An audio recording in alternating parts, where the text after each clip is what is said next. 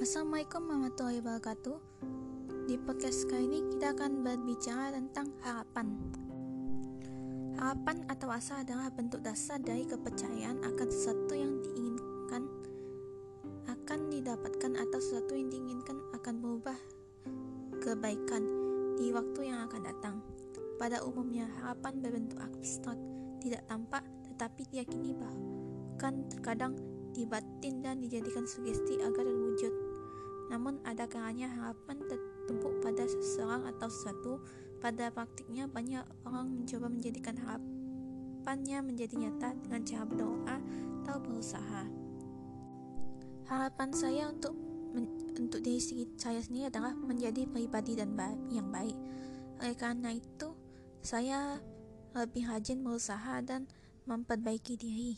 Harapan saya harapan saya kepada lingkungan adalah agar lingkungan mematuhi protokol kesehatan agar tidak banyak lagi orang yang terkena COVID-19.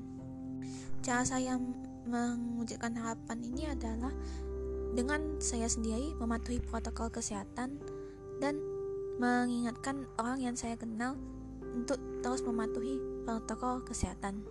Harapan saya terhadap bangsa adalah adalah agar bangsa Indonesia menjadi bangsa yang lebih baik, lebih uh, lebih bersolidaritas dan men mengikuti Bhinneka Tunggal Ika dan Pancasila.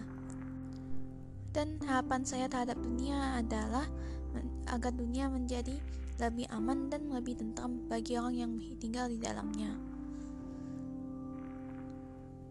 Sekian podcast saya ini. Assalamualaikum warahmatullahi wabarakatuh.